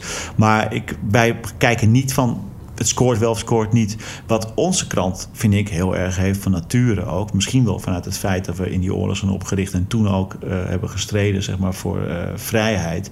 Dat het in een soort DNA van de krant zit. Dat kan ik moeilijk benoemen. Maar ik vind dat het parool bij uitstek de krant is waar altijd wel de zon ook een beetje schijnt. Want wij doen ook wel veel aan succesverhalen, aan vrolijke reportages. Nee, mooie kleurverhalen. Uh, ja, het is bij uitstek een krant nee, waar meer veel ruimte wordt gemaakt. Zo, ja, maar nee, precies. Maar is, is dat wel een, zo? Wordt dat, gezegd? Nee, ja, maar wat je aan, aanraakt of uh, aankaart is wel een interessante journalistieke discussie. Want omdat online alles wordt gemeten, per onmiddellijk. Je Ja. kunt meteen zien wat scoort en wat niet scoort. Zijn er natuurlijk ook echt wel kranten waar ze zeggen... hé, hey, dat loopt niet, je moet die kop aanpassen, want dan gaat hij beter lopen. Nou wil iedereen zoveel mogelijk gelezen worden, maar een kop aanpassen... het moet altijd wel passen binnen dat het inhoudelijk correct is. Dus wij als kwaliteitskrant zeg maar, zullen nooit een kop maken waarvan we denken... nou, hij deugt niet, maar het gaat wel... Kijk, we weten allemaal als er seks in staat of, uh, of neuken, ja, dan gaat lopen. Nee, hè. maar bemoei jij je met de koppen zelf? Nou, vaak wel, ja. Want de Tenminste, koppen is vaak de andere. uh, Men leest. Online, online. En ik bemoei me natuurlijk niet van tevoren, want dan zou ik de hele dag de krant zitten maken en ook online. Dus dan zou ik niks meer kunnen doen wat met hoofdredacteurschap Nee, te maken heeft. Want het gaat ook over geld en budgetten en allerlei andere zaken. Uh, maar maar, maar uh, ik ben, heb wel best met regelmaat, bijvoorbeeld als ik niet ben of ik zie iets op onze website. Ik denk dat vind ik niet een lekkere kop, Nee, of vind het populair of vind het te plat. Dan uh, hebben we daar een communicatiesysteem voor, dat heet Slack. En dan staat het er meteen in en dan wordt het meestal wel aangepast. Of ik krijg een reactie van, om die reden is het zo. Want ik heb natuurlijk niet altijd gelijk. Nee, nee. Wel heel vaak. Heel nee, vaak. grapje. Ja, ja. en want hoeveel procent van de krant lees je nou daadwerkelijk voordat het uh, zeg maar. Naar... Voordat het weggaat? Ja? Nou, veel. Ja, als ik het niet ben, natuurlijk niet. Maar Ik dan, denk niet meer dan mijn- 20 procent. Nou, nou, nee. Als ik er vroeg ben, dan lees ik behoorlijk veel mee. Ja, ik, lees, ik ben tussen de bedrijven door. Als ik op de krant ben, lees ik veel. Uh, Theodor Holman, onze vaste columnist, stuurt altijd zijn column naar mij. Dus daar begint mijn dag mee. die Die wel, stuurt ja. hij s'nachts. Dus die heb ik van tevoren gelezen. Uh, ik ben de, de PS is het tweede gedeelte van onze krant door de week. Lees ik de middag ervoor op de krant vaak al veel verhalen. Ik, ben, ik heb wel vrij goed greep op wat er gebeurt en wat er gaat. En ik ben natuurlijk samen in de hoofdredactie met Camille Leupen. Ja. Die als ik er niet ben, daar is. En dat Dus doet vier ogen. eh, Wat wij moeten als hoofdredactie. Kijk, natuurlijk mis je ook dingen. Want het kan dus onmogelijk om alles te zien. Maar in grote lijnen moet je wel weten wat er gebeurt en wat de in de intentie van een stuk is. Want wij zijn verantwoordelijk. En Ja. je kan niet achteraf zeggen: Ja, sorry, ik heb het niet het gelezen. niet nee, nee, nee, nee. Hey. dat ook niet. Ronald, jij bent ook. ehm, ja, je bent de hoofdredacteur van Amsterdam. Dan denk ik altijd. Nieuwe burgemeester. Hè? Ja, Eerst even, hoe was jij met Ebert van der Laan? heel goed. Ja? Wat houdt dat in? Heel goed. Nou, dat, dat, nou, heel goed. Dat, het was goed contact en eh, we spraken elkaar wel eens. Destijds was het Perron nog eh, organiseerde mede de Amsterdammer van het jaar. En dan Ja. gingen we vaak over Ajax praten in het rookhok, terwijl ik niet rook. Maar ik ben opgevoed door twee ouders die best veel... Mijn vader rookte zware check, dus ik kon wel wat hebben op dat vlak. Eh, dus, eh, en eh, hij heeft ook wel eens contact opgenomen als er iets was. En dat was, het was natuurlijk een man die, die zijn hart, hart op de tong had. Hè, dus die, die, die, die ook nog wel eens tekeer kon gaan. Maar er was een hele open relatie, zeg maar. Dus een, eh, er was wel vrij kort contact. Dus niet alleen met mij, maar met meer mensen op de redactie. Paul Vugs, onder andere onze misdaadverslaggever. Die had daar ook goed contact met Eva. Maar belde hij jou wel eens? Ja, En belt hij je dan mobiel? zelden, maar ja. En dan? Nou, als er iets was. Of Hoe gaat dat eh, dan? Zegt hij dan, eh Nou ja, dat- zegt dat- hij dan het is wel eens Okhuizen of Ronald? Hoe noemt hij jou dan? Ronald? Ja, ja, ja, wij, kennen elkaar, dus, Ja. dus hoeft geen, eh, zeker geen meneer Okhuis. Want als, als meneer Okhuis zegt, is foute boel. Ja, ja precies. Maar, eh, ja. Eh, ja, nee, dat was, maar dat is niet zo vaak gebeurd. Maar dat was gewoon een open contact. En dat was Maar eigenlijk- had hij dan wel eens een vraag van... joh, kan je even dit publiceren? Dat Nee, nee, het was meer mee. achteraf dat hij zei dat deugt geen kant, dat deugt niet. Dat, dat. is, dat is, of, eh, vaak was het ook Correct, wel. hoor. eh, ja, dat hij, dat hij vond dat het eenzijdig was bijvoorbeeld. En dan, eh, dat vond ik natuurlijk meestal niet. Want ik, ik, ik vind dat wat wij doen, dat we goed werk eh, afleveren. Eh, en, maar je luistert wel. En, maar het was niet een powerplay, het was niet onaangenaam. Het was gewoon af en toe, dacht ik, ja, zo kan je het ook zien. Hij, hij zit van, als, van, vanuit zijn positie natuurlijk heel anders in de materie dan een, een journalist die aan Ja. de buitenkant staat. Nou, en dan op een gegeven moment wordt dan eh, Femke Halsema burgemeester van Amsterdam. Wanneer belde ze jou op om te vertellen... ik ben burgemeester van Amsterdam? Zullen we een kopje koffie drinken? Halsema. Eh, nee, die, heb ik, die, die, heeft mij niet gebeld. Nee, maar dat eh, ging Dat ook... verwonderlijk, vind Ja? ik dat. Ja, ik vind dat verwonderlijk. Ik denk... eh, We hebben wel contact gehad. Ze is opgekomen treden bij een avond. eh, we hadden een avond georganiseerd. eh, wat was het? 15 jaar na de dood van Theo van Gogh in, op het Spui. Eh, omdat we ook weer daar vinden, dat is, die is ook vermoord om zijn mening. Dus als, als krant met die geschiedenis vinden we dat heel belangrijk dat het ook op een nette manier wordt herdacht. En niet alleen maar door een uh, beetje treurig clubje in dat, in dat park, wat daar zat te verregenen met een paar gekke Nederlandse vlaggen. Dus we hebben dat met, met, met columnisten, we een soort ode aan Theo van Gogh gebracht, maar vooral aan de vrijheid van meningsuiting, ook daarmee. En daar is de burgemeester ook geweest en ze heeft daar gesproken. En, uh, dus, dus in die zin is er ook niet een verstoorde relatie. Geeft nee, nee, dat zeg ik ook niet. interviews, maar er is niet een één op eentje met, uh, met tussen de hoofdredacteur Nee, maar gewoon om even kennis te maken. Het is niet zo dat jij dan in dienst bent bij haar of dat zij. Nee, nee, Gewoon dat je elkaar even voorstelt. Hallo, ik ben gewoon even elkaar. Ja, ik bedoel, vind ik wel normaal. Jullie zijn. Misschien uh, wacht zij wel op mijn telefoontje. Wie ja, zeggen? Is het een wedstrijd? nee, dat weet ik niet. Nee, ik vind een, uh, als journalist. Ik, kijk, maar je bent nog niet bij haar langs geweest? Of dat je een uitnodiging hebt gehad van haar? Nee. Is opmerkelijk. Ja, het is anders dan bij haar voorganger, maar het is ook een andere burgemeester. Kijk, dat is haar strategie. Uh, ik zie wel dat uh, collega's van ons in het begin was het misschien nog wat. Uh, zag ik wel dat ze dat ze, uh, zij heeft natuurlijk een lijntje met, met de Volkskrant, wat uh, denk ik haar krant is en waar ze ook als columnist aan verbonden is geweest. Maar is dat het dan? Als, nee, nee, maar als burgemeester van Amsterdam heb je natuurlijk twee media die je toch heel goed moet bedienen. Dat is AT5, de lokale tv-zender, en het Parool, de, de, de, de, de Amsterdamse krant, die overigens landelijk wordt verspreid. Dus dat ja. is een vrij stevige spreekbuis. Uh, ja, dus het is op zich handig om een, om een, als er een relatie is tussen de burgemeester en, en de hoofdredacteur. Maar ik zie bijvoorbeeld afgelopen week hadden we een heel belangrijk verhaal van Raunak Gadari, onze, onze verslaggever, over meisjes die uh, door jongens op vreselijke wijze worden misbruikt omdat ze foto's van die meisjes uh, weten te fixen. En dan vervolgens in een soort appgroep aan elkaar laten zien, waardoor die meisjes en vooral moslimmeisjes met die in een schaamtecultuur ja. leven, dat met niemand kunnen delen en nee, vervolgens worden misbruikt. Ja. En daar werkt de burgemeester aan mee. En er is dus wel een goed contact. Ze is wel heel erg bereidwillig om met onze verslaggevers om daar tijd voor te nemen. Kijk, nu wel maar jij, echt... Uh... Nee, dat is zo. Dat, dat vind ik belangrijk. Kijk, op het moment dat ik hoor van mijn journalisten... wij bellen maar de hele tijd met die voortvoerder van de burgemeester... maar ze heeft geen tijd voor het parool. Dan zou ik op een gegeven moment bellen en zeggen... hebben we een probleem of zo. Maar volgens mij is dat er niet. Nee, oké, okay, maar je zei net iets interessants. Toen dacht ik even, Oh. hey, ja, je zegt heel veel interessante dingen. En je zei, je zei letterlijk, ze heeft een lijntje met de Volkskrant. Nee, dat weet ik niet. Maar dat, nou, kijk, dat weet jij ja, wel natuurlijk. Nou, kijk, toen zij is aangesteld als burgemeester... gaf ze een groot interview eerst primair aan de Volkskrant. Ja. Dat, dat, dat, en toen hebben wij wel even gezegd... dat is gek, en toen hebben we dezelfde dag ook een interview gedaan. Daar moesten we wel aan trekken. En ik, ik denk zelf inderdaad dat je als burgemeester van Amsterdam... maar dat vind ik, maar zij heeft de eigen mediamensen... en de eigen woordvoerders, die hebben blijkbaar een ander beleid. En ik ben gelukkig geen woordvoerder... en ook gelukkig geen PR-medewerker. Ja. Maar eh, die hebben gezegd... het is belangrijk dat jij je laat zien in de Volkskrant als eerste. Ja, ik vind dat persoonlijk voor mijn burgemeester in Amsterdam een keuze waar ik niet achter sta. Ik vind het een rare keuze, maar het, het is aan haar. En overigens hebben we in ons eindejaarsnummer wel een heel groot interview met haar gedaan. Uh, dat we, toen heeft ze twee interviews gegeven. Eentje voor de VPRO Radio, een marathon-interview. En bij ons in het, uh, in het nummer PS van het jaar. Ons dikke magazine op de laatste zaterdag van het jaar. Dus in die zin loopt het allemaal. Ik, ik heb er geen klachten over. Als je zegt het zou handig zijn om toch af en toe misschien eens even een kopje koffie te drinken. Dat, dat is vooral handig als het niet goed gaat. De, ik, misschien belt ze binnenkort wel, omdat ze nou ja, weet niks je, van de krant. Dat kan, nou ja, dan wat, hoor ik het. Wat ik, wat ik gewoon opmerkelijk vind, is dat... Ja, je hoort veel hè, hier in Amsterdam. Ja. En uh, soms is de helft niet waar, of meer nog. Maar sommige dingen zijn wel waar. Je ziet wel dat, dat haar afdeling wel erg um, aanwezig is als er iets niet klopt.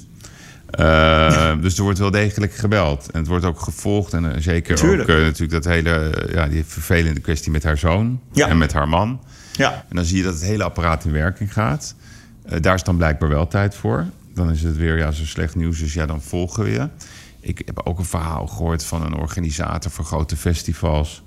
Ja, dat werd toen afgelast. Nou, vervolgens moet de beste man op zijn knietjes uh, naar het gemeentehuis. Wordt gebeld persoonlijk door de burgemeester. Echt persoonlijk.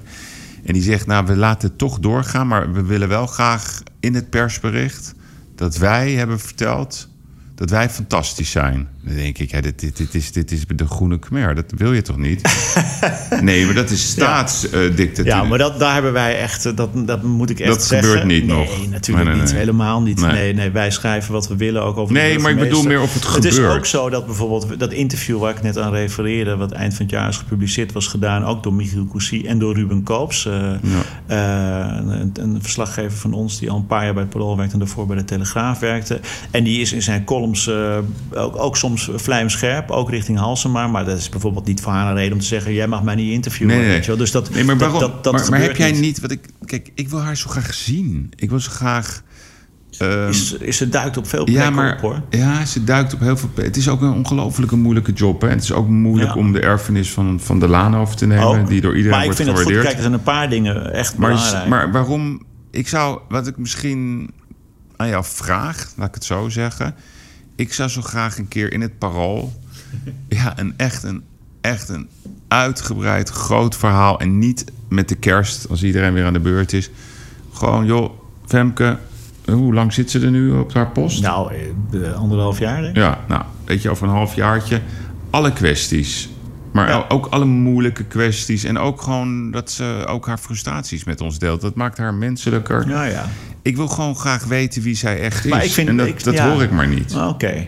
Ja, dat, dat- En daar vind ik het parool dan een mooie kant van. ja, nou, dat, kijk, ik vind als zij een groot interview geeft dat ze het parool moet denken. Dat zal eh, dus bij deze. Ja. eh, nee, oké, maar dus het is wel een wedstrijd, Nee, ik. nee, het is nooit. Ja, journalistiek is ook altijd een beetje een wedstrijd. Ja, Kijk, wij zijn de, de krant van Amsterdam. Dus alles wat over Amsterdam gaat. Met is- jullie is de- geschiedenis, ja, maar wij zijn. De, wij, ik vind ook de opdracht aan, aan onze redactie aan, aan- van Parool is dat wij alles over Amsterdam het eerste en het beste moeten hebben. Ja, ja. Dat, dat is. we- Kijk, dat, dat is. eh, mensen eh, nemen een abonnement op het Parool of gaan naar parool.nl om ze in de eerste plaats nieuws. Amsterdams nieuws willen lezen. En natuurlijk doen wij ook binnenland en buitenland en Maar kunst jullie en hebben ook. Ajax. Ja, dat is best Zeker. moeilijk. Maar nee, nee, heb jij nee, dan maar nog- goed, dus als de burgemeester eh, doorkomt, dan moeten ze dat in- natuurlijk in principe bij ons doen. Dat vind Maar ik hebben jullie, hebben jullie zeg maar een traditioneel net, ne- netwerk van tipgevers overal in de stad? Ja, dat- er zijn altijd wel tipgevers, maar dan moet je heel erg bij opletten. Maar natuurlijk, en bronnen en... eh, Betaalde tipgevers? Nee. Nee. Nee. Nee, hè? Nee. Nee, dat weet ik. Maar dat is wel, wel, wel- in Amerika is dat best wel Ja, gebruik. Amerika zijn meer me- Ja, dingen voel je daar niks gebruikelijk. Nee, nee, als mensen... Dan, dan is het een valse prikkel. Dan, dan bestaat de Ja, kans dat dat is een mensen... valse prikkel. Ja, dan gaan mensen denken... Ik, ik Maar is de even- strijd niet zo hard tegenwoordig in de media dat je, ja, Nee, misschien, je moet, eh, dat is dan een Wij hebben principe. goede journalisten en die komen zelf Ja, ja. eh, komen die, eh, het nieuws Ja. wel tegen. Of ze ruiken onraad. En daar hebben we niet mensen voor over die we dan eh, een paar honderd euro Nee, nee, gaan nee. geven. Want dat, eh, dat, dat lijkt me heel onzuiver en niet, niet, niet kloppen. Nee. Bovendien is het een vak apart. Hè. Je moet Ja. heel goed weten wat wel die scheiding tussen nieuws en niet nieuws. Dat is helemaal niet zo makkelijk als het lijkt.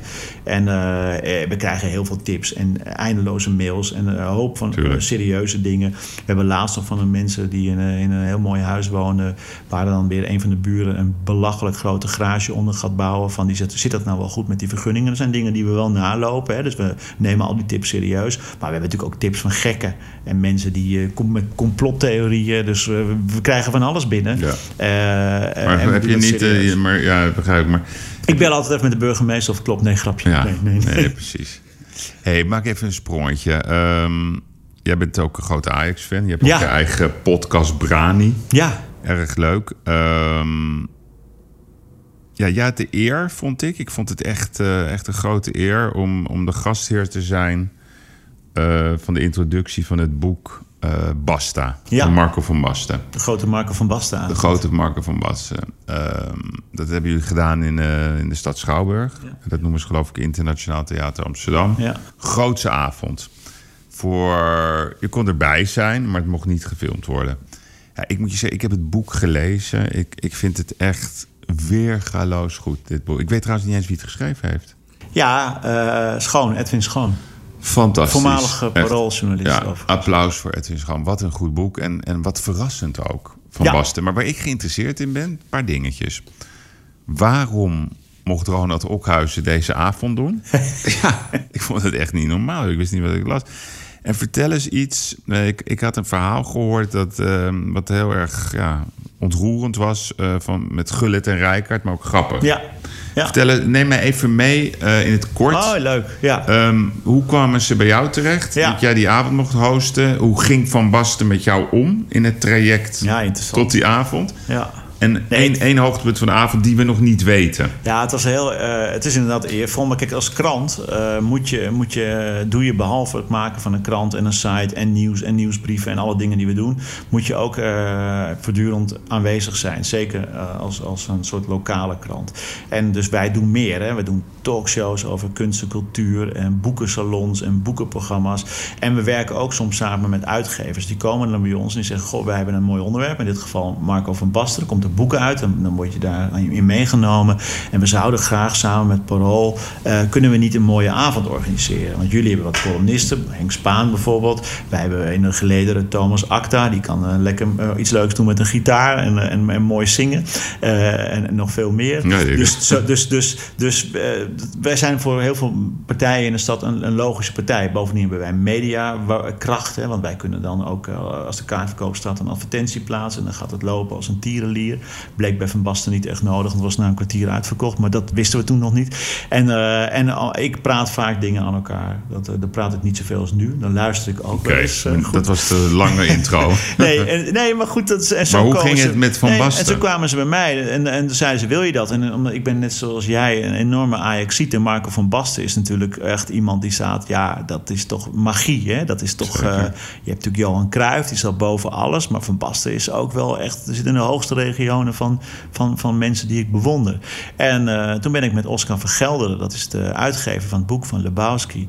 eh, op een gegeven moment bij Marco van Basten op bezoek gegaan... met zijn zaakwaarnemer Perry Overheem... om te onderzoeken of dat wat was. Maar het gaat bij dit soort sterren. En dat is ook logisch. Van Basten, iedereen wil wat van die man altijd. Want hij is Marco van Basten. Ja, die denkt ook straks sta ik daar op een avond in de Schouwburg... en zat er een of andere clown eh, Bassie eh, voor het podium. Dus het moet een beetje klikken. Maar dat, we hadden een goed gesprek. En toen heb ik ook eh, hem geïnterviewd. Ongeveer anderhalf, twee uur voor ons magazine. Dat is later ook in alle... eh, ja, in Ja, een stuk of 15 kranten mee. En nu even eerlijk zijn. Ja, ja. Waren ze daar kritisch op, op de lettertjes en de kommatjes Ja. en de puntjes? Ja, hè? Echt? Ja, ja, er was niet. eh, De Volkskrant had een wat mopperig eh, stukje dat ze dat interview hebben geweigerd omdat het ijzerpakket ridicuul was. Ja. Nou, dat begrijp ik. Als dat een ijzerpakket op tafel lag, dan moet je daar als journalist, als erin staat dat je geen lastige vragen mag stellen, ja, dan houdt het een beetje op. Ja. Mij hebben ze misschien ook omdat we die samenwerking hadden, helemaal geen vragen gesteld. Ik heb een beetje mazzel gehad, dus ik heb dat interview gedaan. Ze wisten niet eens dat het voor het magazine was. Maar achteraf was er wel wat eh, gemopper en dat hoort erbij. Toen hebben jullie een beetje gepolderd. Nee, ja, zeker. Maar niet, het ging niet eens zozeer over de inhoud. Maar zij schrokken van het feit dat het interview... dat het een stuk van 3000, 3500 woorden was.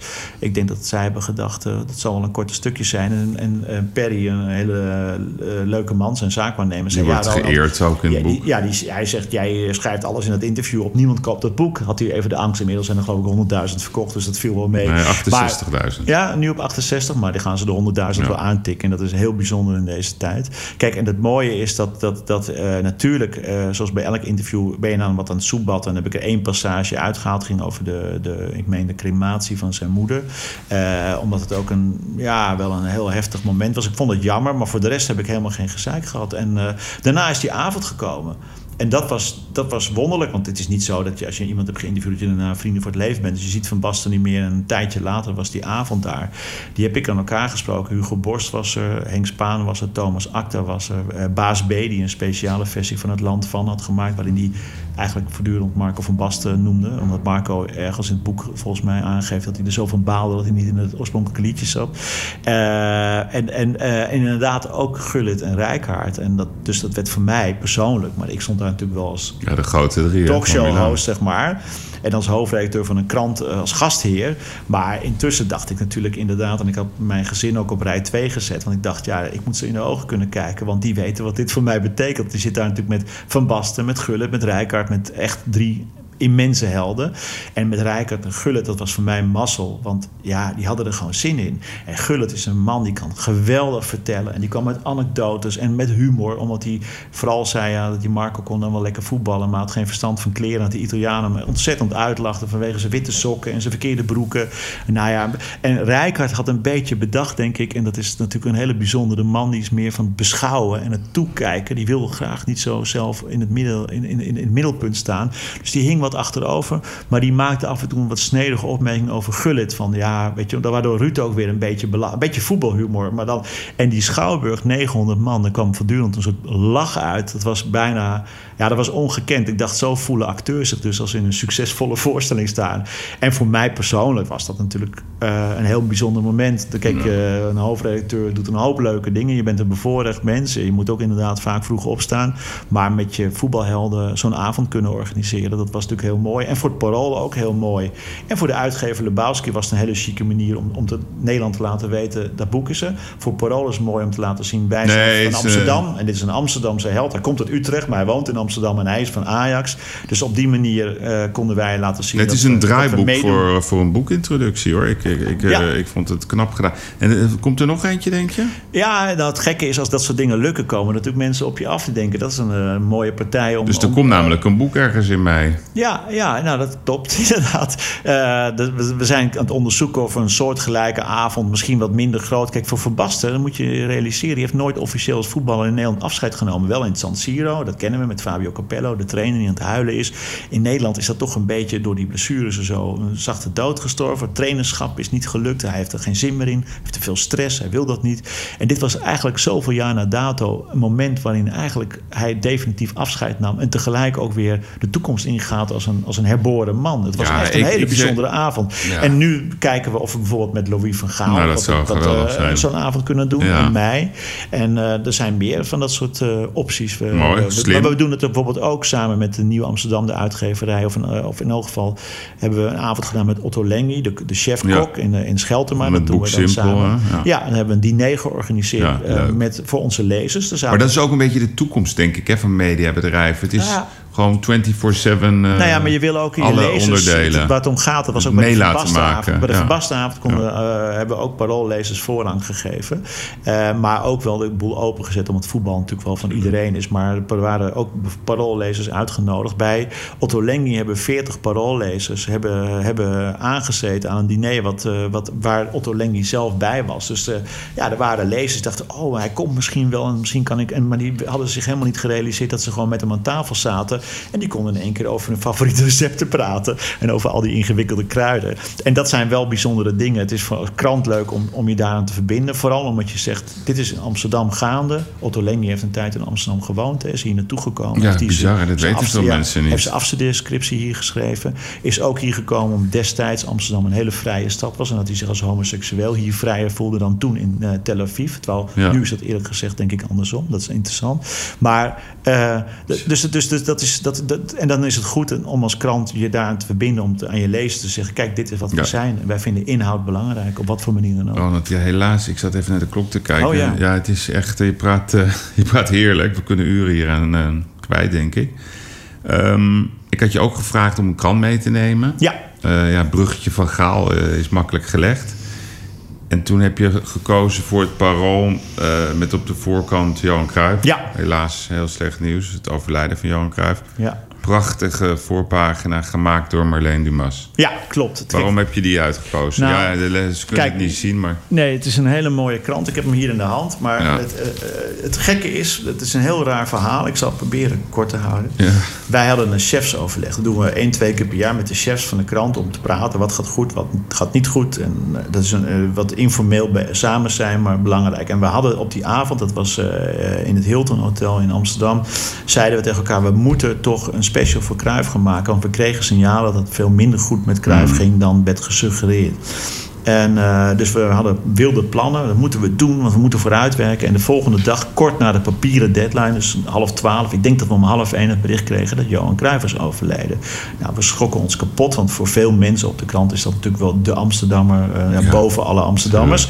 En toen hebben we vergaderd en toen moesten we dus in een paar uur tijd... een, een, een, een bijlage maken die we de volgende dag bij de krant wilden hebben... en s'avonds al online wilden hebben. Dus er zijn allerlei mensen stukken gaan schrijven. En het is een hele mooie, bijzondere bijlage met geweldige fotografie, ook van Anton Corbijn onder andere. En we hebben allerlei mensen meegewerkt uit alle hoeken en gaten. Maar de voorpagina, dat, dat is het kunstwerk van Marlène Dumas...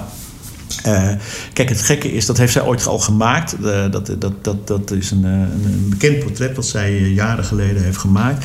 Maar je moet je nagaan, Cruijff is dood, de hele avond op tv. Alle foto's komen voorbij, alle mooie foto's. En, en je komt de Parool de volgende dag pas weer uit als de Amsterdamse krant. Dus ik dacht de hele tijd, hoe kunnen we het nou anders doen? Hè? Want ja, die Want wanneer is het moment gekomen dat jullie dit besloten? Ja, dan wel die middag al, want wij zeiden... Ik maar zei, niet, ja, niet, nou ja, niet kijk, weken ervoor? Nee, nee, nee, nee, nee, na zijn dood. En toen zei ik, laten we Marlène Dumas benaderen of we dat werk mogen gebruiken. Want, dus dat is pas zij, Omdat zij natuurlijk een wereldberoemde oh. kunstenaar is. Eigenlijk ook een, een soort Johan Cruijff in, ja, in haar wereld. dit hè? is gewoon uniek. En, en, en, toen hebben we, en toen hebben we haar gebeld van... joh, kunnen we dat gebruiken? Want we willen en wat anders zei ze toen? Meteen ja. Mooi. Ja, en het mooie is, en, en ook voor 0 euro. En, en, maar het mooie is om, uh, dat je iets moet doen wat anders is. Omdat al die mooie foto's die overigens in die bijlagen staan... Hè, we hebben hem hier in de hand, ja, ja, schitterende foto's... Ja. maar die waren ook al overal te zien geweest. En als je de krant dan om twee uur in de kiosk ligt... dan denken mensen, nee. ja, heb je hem weer, weet je wel. Dat, en nu hadden we iets wat afwerkt. En, en daar ben ik ook heel een, trots op. Kan jij, ja, ik, ja. Je, zou je dit een stukje willen voorlezen? Zeker. Want, dan heb ik het grote geluk dat ik mijn bril bij me Ja, ja Henk Spaan heeft, uh, heeft een mooi, mooi echt ja, mooi dat, daar staat een gedicht van Henk Spaan op. Dus het is een werk van... Voor wie het gemist ja, heeft. en daar staat... Uh, Kruif is niet dood, het kan niet, wat teletext ook zegt. God is dood, dat is terecht. Om God laat ik geen traan. Lennon is dood en Elvis met zijn kuif. En despoten die heersen over het leven en de dood. Zij gaan, maar Kruif, Johan Kruif zal altijd blijven. Beeld genoeg. Vergeet niet het geluid, die stem en zijn accent voor eeuwig opgeslagen. Zelfs als alle beelden weg zijn, archieven opgeblazen, overstroomd, een vuur voor goed gedoofd, het maakt niet uit. Johan Cruijff gaat nooit meer uit je hoofd. Een gedicht dat Henk Spaan een paar uur na zijn dood heeft gemaakt, speciaal voor deze krant. Dat zijn wel momenten. Dat, dat, dat gaat alles in een. Ja, dat kennen we allemaal wel ook van, van ook andere mensen. In andere werksituaties. Als de druk zo groot wordt, dan kan je in één keer zoveel. Ja, kan je alles. Ja, ja gek is dat. Ja, hè? Ja, dus dat, is, dat, dat is denk ik ook waarom je dit vak doet. Je, je presenteert gewoon best onder adrenaline. Ja, uh, Ronald, ik ga vragen. We hebben je ook gevraagd of je een geheim met ons wilde delen, wat helemaal niemand weet, maar. Nou, nee. Uh, nou, ik heb dat misschien wel eens verteld. Dat wil ik nog wel even de val ja, doen. Ja, maar dan trek ik nog een laadje open. Een hele spannende raad. Nee, ja, geheim niet. Ik vind zelf... Begon het gesprek met dat mooie introductie van jou... waar ik wat ongemakkelijk van werd. En ik zat er nog nu tijdens dat gesprek een beetje over na te denken. Uh, is dat ik, kijk, ik ben heel blij met het werk wat ik doe. En dat de persgroep Parool ook en mij ook die ruimte geeft om zo'n krant te kunnen maken. Maar ik ben zelf iemand die. Uh, ik, mij thuis hadden we kranten, de Gooi Neemlander, een lokale krant. Maar mijn ouders, mijn vader had eigenlijk alleen lagere school. Want was een fabrieksarbeider. En mijn moeder was huisvrouw. Die had huisartsschool gedaan.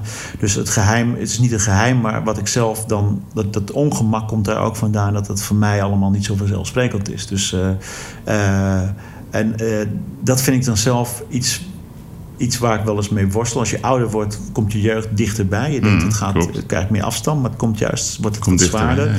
En ik moet er zelf ook wel eens over nadenken. Denk, hoe, is dat, hoe kan een leven dan gaan? Het is zo wonderlijk hè, dat je dan als een kind in zo'n dorpje zit... en dan onder de rook van Amsterdam met je fietsje naar Ajax, naar de meer gaat. Dat was best te befietsen, anderhalf uur doortrappen. En, eh, en dat je uiteindelijk eh, dan ja, uit een gezin komt waar, waar geen boeken waren. Eh, waar, ja, mijn vader werkte bij de golfkartonfabriek van Meurs in Bussum. Dat had nu de Hookras. En, en ja, dat ik dan zelf een man ben geworden van letters. En, eh, en van, van het maken van een krant, dat is, eh, dat is niet gebruikelijk geweest. En daar ben ik dan, daar geloof ik, dat word ik langzaam maar zeker, ben ik dan best dan een beetje trots op. En dat trots kunnen zijn op iets, dat is me heel Ja, lang ja. niet gelukt. Dat, ik ben nu 53 en dat is me 52 jaar niet gelukt. Nou ja. Maar is het ook een gedroomde hoofdrol die je speelt? Ja, kijk, ik ben naar Amsterdam gekomen in 1985 om te gaan studeren. En dat was ook een bevrijding om uit zo'n dorp weg te zijn en om, eh, om, eh, om ook uit het milieu te ontsnappen, zeg maar.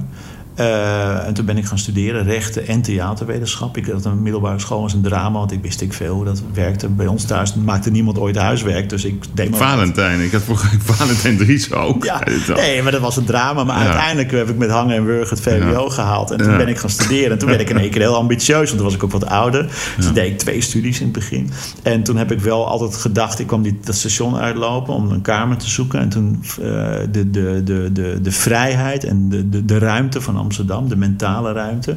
Eh, ja, je moet natuurlijk ook een beetje de wind mee hebben en ook af en toe wat mazzel hebben. Maar toen heb ik wel gedacht, dit ga ik me nooit meer laten afpakken. Het voelde echt als een bevrijding. En natuurlijk kom je dan in al die cafés, Café de Zwart, waar de schrijvers staan. En ik kwam toen nog in al die leuke cocktailbars en, eh, en al, op allerlei plekken in de stad. En dan zag ik al die mensen.